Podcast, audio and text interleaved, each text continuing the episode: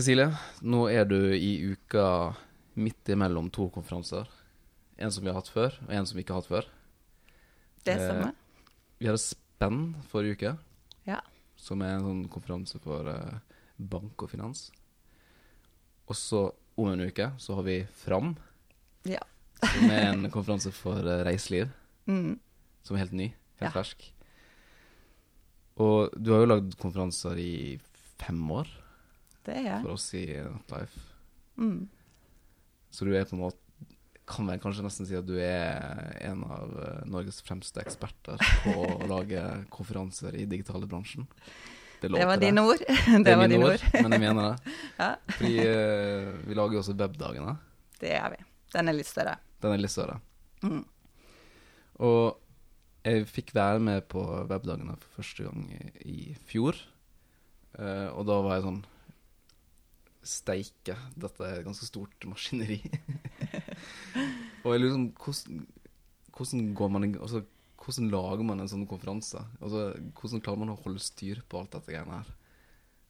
Ja. Enkelt spørsmål. Ja, enkle spørsmål med et veldig langt svar. Men uh, det er jo litt sånn at når jeg begynte å lage webdagene for fem og et halvt år siden, blir det, Ja. så var vi 300 deltakere, og det er en sånn ganske overkommelig greie som de fleste klarer å gjøre. Eh, og når vi da har blitt så store som 900 i Spektrum på webdagene i fjor, så er det jo da er det en jobb mm, gjennom fem år med å øke konferansen i størrelse hele tida, så det skjer jo litt av seg sjøl. Man må på en måte gjøre nye ting hele tida og sånt. Så, så mm, jeg skjønner at for de som er utenfor, så er det vanskelig å skjønne hvordan det er mulig, men når man sitter inne i det, så må man jo bare være ekstremt strukturert. Det er egentlig det det handler om. Det er mye regneark. Det er masse regneark, eller Google Docs som vi bruker. Google Spreadsheet. Masse spreadsheets. Um, og da når vi skulle flytte inn i Spektrum, det var, det var også skummelt, det. Da var det sånn, eh, Vi hadde et sånn klistremerke der det står 'Get in over your head'. Og det følte jeg virkelig at det gjaldt det, det året der, altså. Ja. Det, det var en helt annen greie. Men så gikk det jo veldig veldig masse bedre enn vi trodde. For at vi hadde visst såpass kontroll at vi klarte det også, da. Så, um, men det er ja, organisering. Det er, ja. Så svaret liksom er liksom, for å lage en så stor konferanse, er lage eh, en sånn konferanse i fem år? Nei, det er det ikke. Jeg tror, jeg tror hvis du hele tida tar utgangspunkt i kundeopplevelsen og kunden, hvis du tenker det hele veien i alt det du skal gjøre, Mm. så er det masse større sjanse for at du klarer å få med deg alle de detaljene som skal være. Da er, du, da er det jo hele reisa, sant? fra liksom nyhetsbrevet de får først, til nettsida der du melder deg på, til e-postene de får underveis, til e-posten de får rett før konferansen, til tekstmeldingene jeg får samme dag. Altså, hvis du hele tida tenker at veit kunden det nå, får kunden den maten den trenger, passer vi på allergier. Det er liksom det der med å ha det kundefokuset hele tida som jeg føler at skiller oss fra en del andre konferanser også, da, for at vi er et sånt byrå som har så sterkt fokus på det. Så det er nesten enklere for oss å gjøre den der bra. Jeg irriterer meg jo helt på omtrent alle andre konferanser jeg her, ikke for at folk står i kø for å få den badgen. Eh, og jeg ser åh, det har vært så lett å flytte der. Hvis dere bare hadde tenkt at folk skal ikke stå i kø, så hadde dere klart å ordne. Men, men det tenker ikke folk på, da. Så brukervennlighetsperspektivet alltid. Det er liksom, og det, dette er noe alle kjenner seg igjen i, tror jeg. Altså det å stå på en konferanse og irritere seg eh, over et eller annet. Ja. og spesielt det køgreiene, og det matgreiene, og det dogreiene. Ja. Det, sånn- det å lage konferanser, det virker, det virker som det er mye som går ut på å liksom dekke basisbehov. Ja. Det er dessverre det, altså. Det, det er liksom sånn Av alle evalueringer jeg har lest noen gang, så er det liksom lunsjen må folk si noe om, og temperaturen må folk si noe om. Og vi feila jo, vi også. I fjor på webdagene så var det jo megakø på eh, lunsjen, og da hadde vi vært veldig strenge overfor de som skulle arrangere den, hvordan det skulle være, og så skjærer det seg likevel, fordi det er et eller annet vi ikke har skjønt om hvordan folk beveger seg rundt akkurat det bordet. Eh, og da må vi tilbake igjen liksom, neste gang og sånn, ok, hvordan er det folk faktisk står i kø da, når de skal ha den type mat versus den type mat. Men nå er vi liksom midt i konferansen. Men det skjer jo ganske mye før. Mm. Um, når du skal for eksempel i gang med, en- med en uh, ny konferanse, eh, vi har, vi har tema, vi vet litt hva det skal dreie seg om, og kanskje noe hva vi vil med det, hvor begynner man da, egentlig? Hva er liksom Må jo begynne med hva er det vi vil folk skal få ut av den konferansen her, da. Ja. Uh, og da, da danner en seg ganske fort et bilde av hvilke type foredragsholdere en må ha og sånt, fordi at en skal få til det. Eh, og så er den der finne foredragsholderprosessen, det det er jo det aller, aller viktigste. Altså sånn, Du kan lage en konferanse den første gangen, og så er den sånn halvdårlig, men da vil du jo aldri kunne lage den igjen, på en måte. Men det er liksom sånn Klarer du ikke det, så klarer du det ikke, liksom. Um, og da er jo vi veldig sånn Vi er veldig opptatt av at folk liksom både skal lære å bli inspirert, da. Veldig mange Ja. konferanser går litt i sånn inspirasjonsfeller, syns jeg. Foredraget er liksom verken eller. Det er litt sånn 'Å, det var gøy å høre om', og så kan man ikke gå hjem og gjøre så veldig masse med det. Mens vi er veldig opptatt av at du faktisk skal lære noe av alle foredrag, da. Eh, Eller du skal bli ekstremt inspirert. Det er liksom sånn, det er en sånn skala der, da, og du skal helst ha begge deler. Og det gjør jo at researchen vi gjør på foredragsholdere, er veldig nøye. Vi putter ikke noen på en scene på webdagen som vi ikke har sett live eller på video, f.eks. Mm. Vi kan gjøre det på mindre konferanser fordi det er vanskeligere å ha sett deg. Mm. Men, men på webdagene, som er en så stor scene, så har vi blitt beinharde på det der. Og det, det har jo vist seg å funke veldig bra. Så det første man gjør, er egentlig å finne ut hvem, hvem skal eh, utgjøre programmet. Mm. Ja, eller iallfall sånn Man begynner kanskje litt med temaet. Hvilke tema er det vi skal dekke? Sånn Ja. som på webdagene vi skal dekke merkevarebygging, vi skal dekke innhold, vi skal dekke teknologi, og så er det liksom sånn hva er det vi mangler, hvilke typer. Men så har vi jo alltid en liste fra året før med masse navn som vi har vurdert, og innspill vi har fått i løpet av året. Og så begynner man å sortere, og så begynner man å spørre de som er mest interessant, og så går man nedover lista, da. Nå er vi i en ganske heldig posisjon på webdagene. Vi har et veldig godt rykte der ute i verden, faktisk. Så hvis, ikke, hvis vi får nei, så er det fordi at de ikke kan, rett og slett. Um, eller så har alle hørt bra ting om webdagene og har omtrent nesten drømt om å få snakke der. Hvordan er det når eh, Hva er den beste måten å spørre noen om de kan og har lyst å liksom være med og snakke på og ha Ja. et innlegg på konferanse? Det er egentlig bare en skikkelig e-post der man sier litt om konferansen og sier litt om publikum og sånt med en gang. Og um, gjerne liksom Vi betaler jo folk som regel, så liksom du sier med en gang at du faktisk gjør det, og at du betaler reise og opphold og sånne type ting. Så er det, en, det er egentlig en ganske lett greie, akkurat det. Altså, det som er litt verre, er jo de man ikke finner e-postadresse til og sånt. Uh, og da finner du iallfall ikke noe telefonnummer. Og da må man liksom gå litt sånn via via og noe LinkedIn-greier og noe Twitter-DM og forskjellig. Det er litt verre. Men, eh, eh, men det er liksom bare en god grunn det er e-post som Ja. trigger litt, liksom. Er det noe man absolutt ikke bør gjøre? Nei, det veit jeg ikke. Altså, jeg, jeg mener jo at en stort sett bør betale folk, da. Så hvis du legger opp til en konferanse der du ikke betaler noen nesten, eller sånn som mange gjør, de betaler 100 000 til en person, og så betaler de ikke resten, så tror jeg at det er noe med motivasjon til de som ikke får betalt, da. Eh, så jeg tror heller det er viktig å prøve å finne jevnt over bra foredragsholdere som får betalt, enn liksom én som får kjempemasse betalt. Og det har jo vært litt av suksessen til webdagen også. Vi har liksom funnet de nerdene som kan stå på en scene, som ikke tar 100 000 eller 500 000 som foredragsholderne på Gulltagen kanskje tar, men, men som tar liksom noe som er helt greit, som gjør at vi kan betale alle greit, da. Um, er det sånn Er det, er det noen Er det noen tema eller um, Er det noen gang det er vanskeligere å få foredragsholdere? Altså Hvis vi avgrenser det til digital bransje, da, Mm. som vi på en måte vi har peiling på. Ja. Det er jo vanskeligere med de bransjekonferansene vi har, enn det Ja. med f.eks. webdagene. Webdagene så kjenner vi fagmiljøet så veldig Ja. godt, for det er et fagmiljø på web.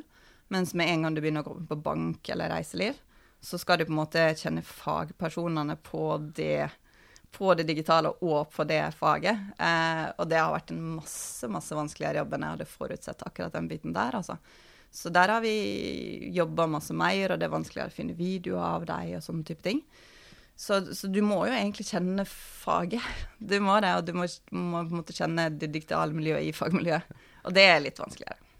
Er det, liksom, er det bare å aktivisere liksom, nettverket sitt, eller hvordan går man fram? Er det masse kreativ googling?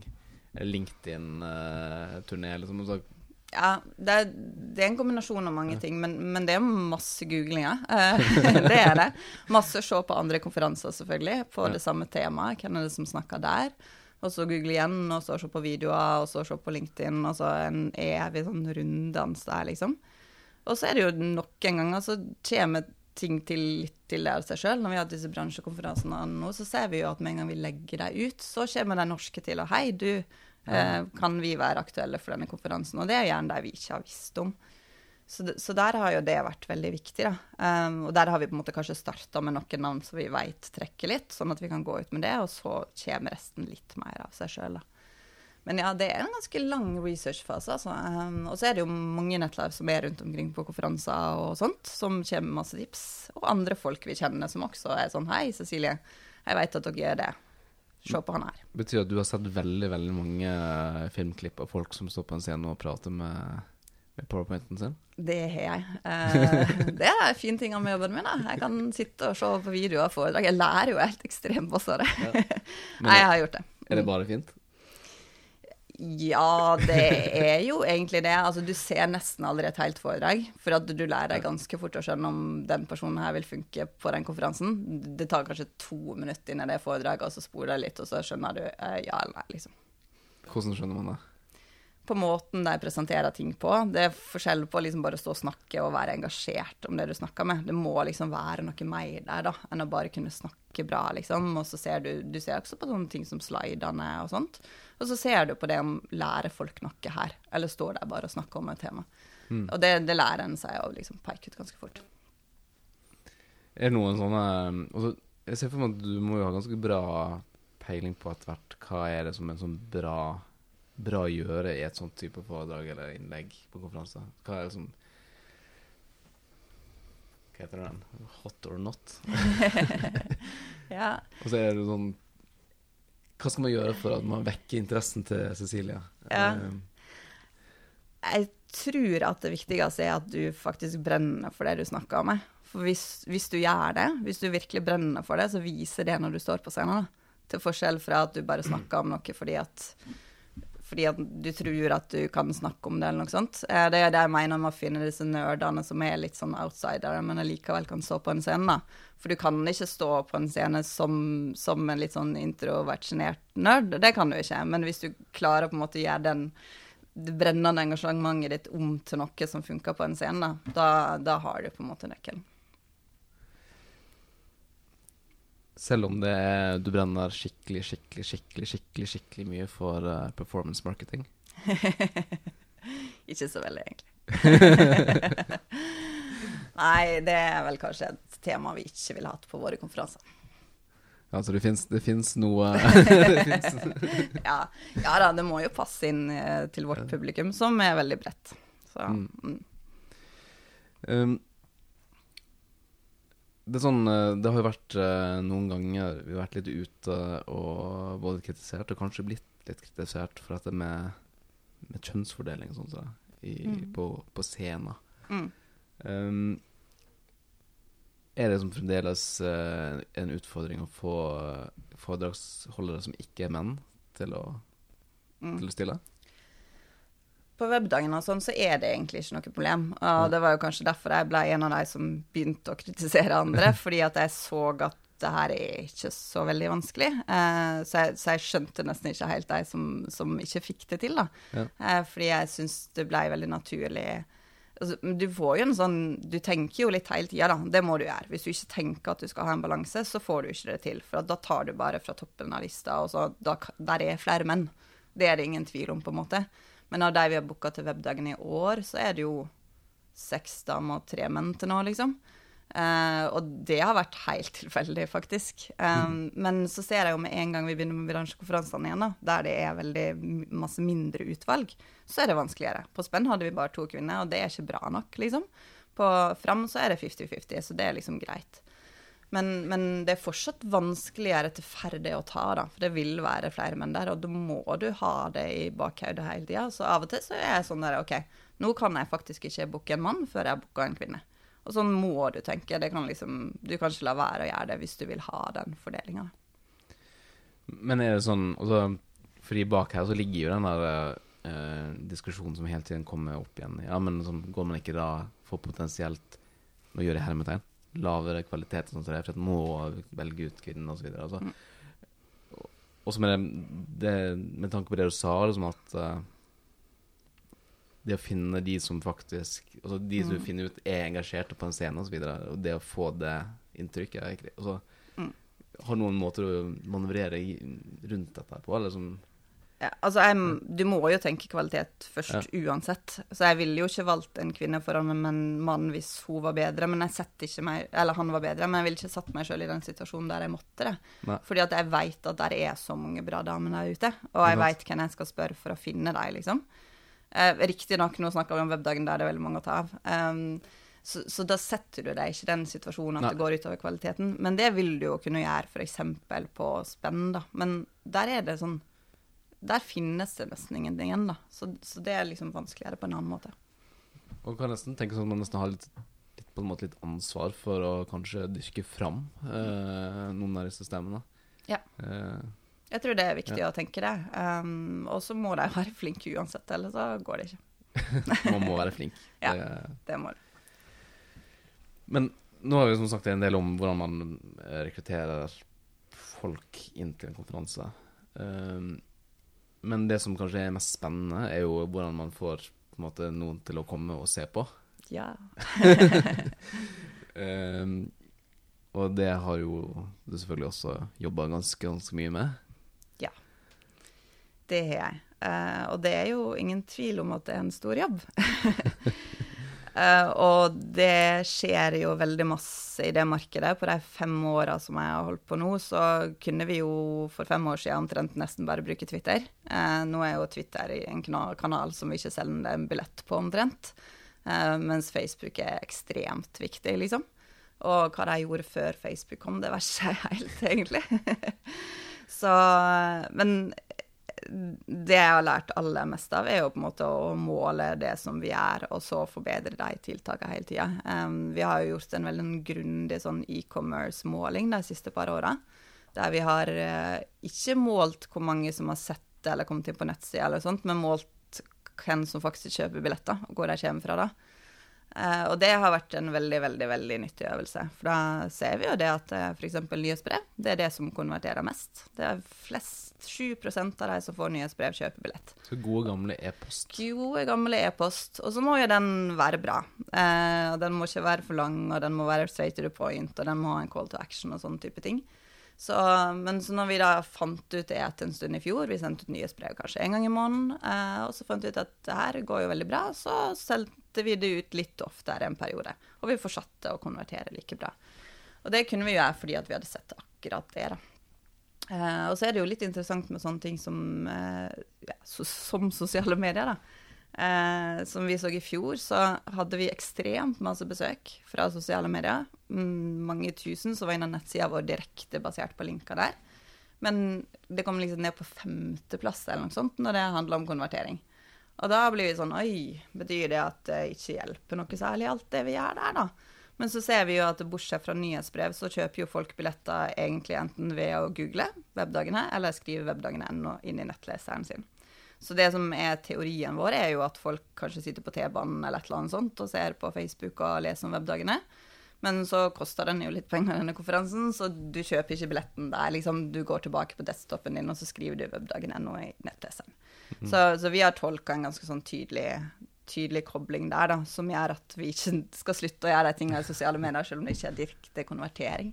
Og det som også er interessant med f.eks. Facebook, da, er at når vi ser på hvilke typer poster som faktisk konverterer, så har vi jo den type poster som er sånn nå er det en early bird-pris, eller nå får du en bok hvis du kjøper. Og så har vi de postene som er sånn der vi forteller om foredragsholdere. Og de konverterer like bra begge to. Det har, okay. ikke, det har ikke større verdi at det er en øl i bød enn at man bare forteller om en foredragsholder. Og det er jo veldig interessant. Det er ganske interessant. Mm. Men hva, når det gjelder dette e-post versus uh, sosiale medier og sånt, hva, hva er det med, hvorfor, hvorfor funker e-posten? Hva er det med den som gjør at eh, Altså, Én ting er jo selvfølgelig at den nyhetsbrevlista vår er jo folk som er interessert. De har enten meldt seg på den sjøl, eller så har de vært på webdagene før. Og da, da er vi jo midt inni der, sant, til forskjell fra noen som kanskje liker en Facebook-side eller ser en sponsa oppdatering, da. Så det er jo ekstremt målretta. Det, det er vel kanskje poeng nummer én. Mm. Og så er det vel sikkert noe med at du sitter på plassen din og får den e-posten og kan sende den videre til sjefen din og spørre om det her er greit. og Det er liksom sånn du er i den konteksten der du vil være. og Men, men igjen, da. Det, du må, altså Hvis folk pøser på med nyhetsbrev veldig masse, eller de har dårlig og langt innhold, eller de har for masse bilder, eller sånne ting, så tror jeg konverteringa går ned. da. Så det må liksom være veldig straight to the point. Vi skriver kjempekorte e-poster, bare sånn tre setninger. Vi vil bare minne deg på om at nå er det early bird i morgen, liksom. Så um, det, jeg tror faktisk det har ganske masse med den konteksten her. Du sitter inne i e-posten der og ja, det er noe jeg kan gjøre. Ja, dette er jo sånn greit for webdagen, da, liksom. Mm. Eh, når det gjelder disse bransjekonferansene mm. som Spenn og, og Fram, mm. eh, funker det samme der? På en måte ja, men, men det er masse mer krevende. Um, hvis vi tar uh, bankkonferansen, da, Spenn, så har jo vi en uh, liste i vårt CRM som er lang og lang og lang på folk vi har jobba med i den bransjen. Så der var det jo nesten sånn det første året å bare sende ut en e-post, og så var det nesten nok, liksom. For vi hadde mm. så mange. Og da, da var det jo e-post igjen som funka. Der gjorde vi nesten ingen annen markedsføring i det hele tatt. Men så er det jo andre måter å følge opp disse e-postene på også. da. Det er sånn Når det nærmer seg litt, så sender man en ny personlig e-post at 'hei, jeg ser ikke du har meldt deg på ennå'. Eh, her kan du få en rabattkode av meg, og så er det de som har meldt seg på, som kan ta med kollega til en billigere pris. Og det er mange sånne varianter av det. da. Så der, fordi at de konferansene er mindre, så gjør vi veldig masse mer av det, da. Men så på den reisekonferansen som vi skal nå fram, så er det veldig masse vanskeligere. For der har vi langt ifra så mange navn i databasen vår. Eh, så der begynte vi f.eks. med et frokostseminar som, vi trakk, som var gratis, der vi trakk en del eh, andre folk, sånn at vi kunne gi en rabatt til deg. Og så nå er vi veldig sånn det er jo for få påmeldte i forhold til hva det bør være en ei uke før konferansen. Så nå er vi litt sånn der geriljamarkedsføring og sende ut rabatter i hytt og pinevær. og um, det, er litt sånn, det er litt sånn prøve seg fram. Altså. Du kan ikke forvente at du bare kan være knallgod på annonsering, og så selger du en konferanse ut, liksom. Du må jobbe ganske hardt, altså. Hvor viktig er rabatten? Den, eh, den, er viktig for å få folk til å kjøpe billett innen en viss tid, og det vil du jo alltid. Du vil liksom sikre deg et visst antall folk. Så det er liksom sånn hvis du melder på inn da, så får du den prisen. Den er viktig. Og vi, vi selger jo alltid veldig masse før early bird, da, så det er ingen tvil om at folk biter på det, for å si det sånn. Så den er viktig, altså. Og så er den viktig når den kan gjøres litt sånn personlig, da. Vi sier til foredragsholderne at det, ja, si til kollegaene dine at de kan vende, melde seg på med rabattkoden 'venn av Aina', liksom. Og så, ja. Sånt funka veldig bra. Altså. Hvordan kommer man egentlig fram til uh, hvor mye en uh, konferanse uh, skal koste? Altså hvor mye en påmelding skal koste? Ja. Det kommer litt an på om hvor mange mål man har om å tjene penger på konferansen eller ikke, da. Um, men hvis du har som mål å tjene greit på det, så må du egentlig Det vi gjør, er at vi tenker på det litt sånn som vi gjør med konsulentvirksomhet. Vi teller timer. Hvor mange timer bruker man faktisk på å lage den konferansen her? Og hvilke kostnader har vi som er faktiske kostnader? Um, og da, da er det liksom Ja, da er det ganske lett å regne seg fram til hva en mm. konferanse bør koste, da. Det, det egentlig handler om å lage et bra budsjett. ta, ta, de timene og dele ja. på hvor mange deltakere du tror er sannsynlig. Ja. Jeg tror jo veldig mange går litt i den fella at jeg glemmer litt hvor masse ressurser de faktisk bruker på det, og man kan bruke uendelig masse tid på sånne ting som det der. så, så det er, jeg syns det er en veldig fin måte å tenke bare på. Altså. Når det kommer til dette, det er noe som um, liksom greit å ikke prioritere, som man kanskje gjør. Altså Hvor skal man ikke legge energien sin i eh, når man skal lage en konferanse? Hva har vist seg å være på en måte Dette er ikke verst timene. Jeg tror liksom en god del markedsføringsmateriell er litt bortkasta. Eh, sånne type giveaways og noe av det kan funke litt. Og liksom det med å lage masse brosjyrer og flyere nå, nå snakker jeg for oss, da. Jeg vet jo andre mm. konferanser som gjør det veldig bra med å bare sende ut en brosjyre i posten, men jeg vet jo også at de begynner å slite nå, de som har gjort det veldig tradisjonelt. da. Så vi har jo liksom kutta til beinet på sånne der flyers og klistremerker og alt mulig sånt noe. Tror jeg heller er å legge, legge energien i det digitale. Um, og så ikke liksom ikke ikke kjøpe ting før du veit du har råd til det, på en måte. Altså sånn vite at du liksom faktisk får så og så mange deltakere, da, før du gjør den ekstra gøye tingen i Spektrum som vi har lyst til å gjøre, da. Vi har jo ekstremt mange ting som vi har lyst til å gå i her i Spektrum hvert år. Men da prøver vi alltid å holde litt igjen, og så ser vi hvordan går det her nå, da. OK, nei, da må vi vente litt, da må vi holde litt igjen. Og hvis det går kjempebra, så bare OK, da kjører vi på. En av mine favorittting på webdagene i fjor var denne her eh, jeg holdt på å si boden med alt mulig. Heltdesken vår. Heltdesken. ja. Det var mye bedre enn giveaway. ja, den er veldig gøy, da. Det var en morsom greie vi kom på i fjor, at eh, de som sto på Heltesen nettopp skulle hjelpe deg med hva som helst. Og det er jo en del av det kundeopplevelse, brukervennlighetsperspektivet som vi har lyst til å ha, da. At vi mener faktisk at vi skal kunne hjelpe folk med hva som helst. Det er sånn, jeg trenger tannbørste. Ja, her har du en.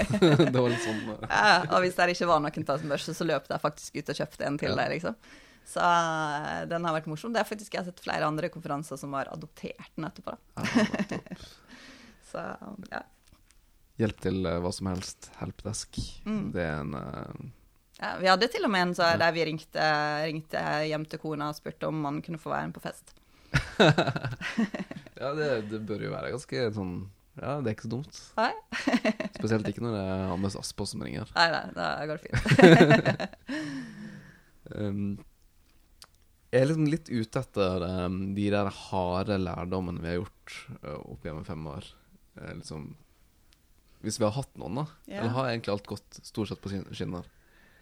Um, jeg vet ikke om jeg har noe sånn skikkelig, skikkelig harde Altså, jeg har jo virkelig lært det hvor masse vanskeligere det er å lage en bransjekonferanse enn en annen, og Mm. hvor du egentlig bare kan stå der ei uke før med nesten ingen deltakere og liksom må få det til. Um, men jeg har jo ennå ikke funnet ut hvordan jeg kunne liksom kunne kommet meg ut av den, den situasjonen. Uh, så så jeg, jeg tror at vi har jobba veldig systematisk hele tida. At vi har liksom luka ting vekk underveis. Uh, men jeg ser jo med en gang en glem, glemmer litt det der brukerperspektivet. Hvis det er et eller annet sted vi glemmer det litt. Uh, at vi har litt for mange involvert som kanskje gjør noe i en kanal som vi ikke veit noe om. Så liksom det å faktisk ha kontrollen, da du, er, Man blir jo litt kontrollfrik når man jobber sånn som man gjør. Eh, det er det ingen tvil om. Så, så, så jeg tror liksom du går ikke på de smellene der, da, hvis du, hvis du klarer å på en måte planlegge godt. Ik ikke en liten smell engang? Ingen smell? Jo, det, det har jo vært smeller, men eh, faktisk, da. Faktisk, det her høres jo kanskje litt men, men noen av de største smellene jo, har jo vært med de som skal gjøre ting for oss på andre steder. De tingene som vi har mindre kontroll over. da. En av grunnene til at vi ikke liker å bruke eventbyrå, at vi helst vil gjøre det sjøl, er fordi at vi vet at det er flere ledd det. det. Det tror jeg er en viktig lærdom for veldig mange. da. Man, man tror at man gir det til et eventbyrå, så har du full kontroll. Uh, men du har jo ikke det. Du mister jo egentlig kontrollen, og så må du gi hele kontrollen til deg. Uh, og det er ikke alle de som skjønner kundeopplevelse på den måten som vi gjør. Så eh, type hotell vi har hatt konferanser på som ikke har noe klart når vi kommer om morgenen. Vi har jo vært borti mange sånne varianter. Det har vi jo, selv om vi har sagt fra i det uendelige, liksom, og skrevet det nøye ned og sørga for at jeg har det skriftlig og muntlig og alt mulig. Så kan vi komme der, og ingenting er klart, på en måte. Eh, så det å liksom ha et øye for alle de detaljene Jeg sier jo heller fra tre ganger ekstra jeg, enn å stole på at jeg skal få det med seg den andre gangen. Så folk syns jo sikkert jeg er bitch som sånn konferansearrangør. Men det fører jo til at vi stort sett får ekstremt bra evalueringer på organisering, liksom. Ja, vi hadde jo Vi lærte jo det på den harde måten eh, på en eh, konferanse tidligere år, hvor vi hadde bestilt videoopptak. Jeg tror vi fikk liksom video av hodet til den som holdt innlegg, men ikke noe PowerPoint eller noen ting. Vi så ikke PowerPoint-bilde engang, så vi kunne ikke synke opp. Mm. Eh, så det var litt sånn ah. Ja. Og den der har vi jobba ganske masse med for at den skal bli riktig på de konferansene vi har hatt. Vi har prøvd mange varianter og sånn, men så har vi liksom flinke folk, da, Nikolai som jeg har brukt på det, som har vært sånn Han er nazi på det, og han kan det. Så det gjelder jo liksom å omgi deg med de folka som på en måte kan det der, da. Nikolai han gikk rundt med sånn headset. Sånn der, sånn, man man se på sånn eh, TV-serie om TV-serier, den som Ja. alltid står bak scenen med sånn headset, eh, veldig fascinerende, syns jeg. Ja. Det var veldig, Det var veldig, Veldig proft, eh, sånn som det var på Vevendagene sist, altså. Eh, det, ja. Det var det. Bortsett fra lunsjen. Men ja, la oss snakke litt om lunsjen. Frilunsjen, det var, var en bra idé. Uh, det var food truck. Det var rett, rett ut av Silicon Valley, holdt jeg på å si. Ja. uh, Og det var for alle en ganske god lunsj. Mm. Men det var kø. Ja. Hvorfor ble det kø, egentlig? Nei, Det er en litt sånn eh, sak som vi ikke helt har klart å skjønne. For vi var jo veldig, veldig sta vi, De ville gjøre det på en litt annen måte enn de gjorde i fjor, um, i Spektrum. Og så sa vi at hvis dere er sikre på at det ikke blir kø ut av det, så er det greit.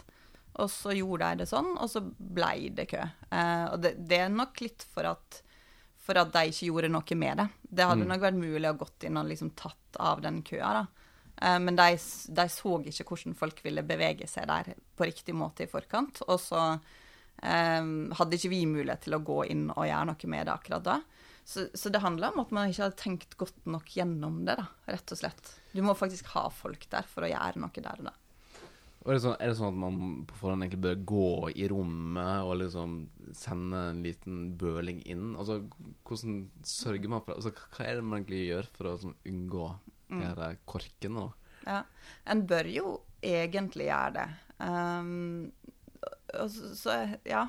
Eh, Vi gjør det jo ikke alltid, men det vi veldig ofte gjør, er jo at vi tegner det opp, sånn at vi ser det for seg. da. Hvor er det liksom Er det plass her? og ja, Sånn at vi liksom ser for oss ting veldig, da. Men nå er ikke det her det som jeg kan mest om, da. Men jeg tror jeg må det. Det var et hotell vi var på en gang også, når vi hadde konferansen Intralife som bare hadde en veldig dårlig bufféløsning. Og det hadde ikke noe med noen Det var ingen sin feil, den var bare lagd feil, så folk sto i uendelig lang tid for å få lunsj. Eh, som gjorde at vi fikk elendig evaluering, og det var ingen som kunne gjort det på en annen måte. Den var bare lagd feil. så det er jo derfor man har sånne tjenestedesignere og sånt, da, tror jeg. De kan sikkert ordne sånt. Kan man prototype lokal i eh, bølgepapp først? Ja, sant. Ja. Men det er jo den absolutte fordelen med å ha Spektrum sjøl maka den lunsjen klarer seg i fjor, da, at vi kan faktisk tegne det akkurat som vi vil. Du har et stort, hvitt lerret, rett og slett. Nå er det jo sånn at uh, nå holder du på å planlegge uh, for uh, vår overskuelige framtid, den siste webdagen din. Du skal jo forlate oss snart. Ja, jeg skal vi se. Eh, noe som vi alle syns selvfølgelig er veldig trist, men sånn er livet. Sånn er livet. Man skal videre, og så Uh, men hva er det liksom Hva er liksom viktig for deg nå å etterlate deg av sånn konferansearrangør, kultur, Intel-ting? Hva er det som Hva, hva syns du man på en måte skal ta videre? Mm. Arven. Ja. Um, jeg syns kanskje noe av det jeg brenner aller mest på, for er jo det faglige innholdet og lag Altså ta det alvorlig nok, da. Jeg syns veldig mange tar det litt for uh, ta litt for løst for det, rett og slett. Jeg syns veldig mange er litt sløve og ikke kvalitetssikra og sånt. Uh, og nå vet jeg jo at de kollegaene mine i Netlife Research er like opptatt av det som meg, heldigvis. Uh, men, men det å liksom ikke glemme det, da, den kvalitetssikringa der, det tror jeg er veldig viktig. Og så er det jo også det der med å fortsette å markedsføre på en måte som funker, og ikke kaste seg på tilbud om annonser i aviser og ting og tang som en veit ikke funker. da. Eh, og så er det igjen den der helhetlige kundeopplevelsen. Altså alltid tenke på kunden. Da vil du klare å gjøre det bedre.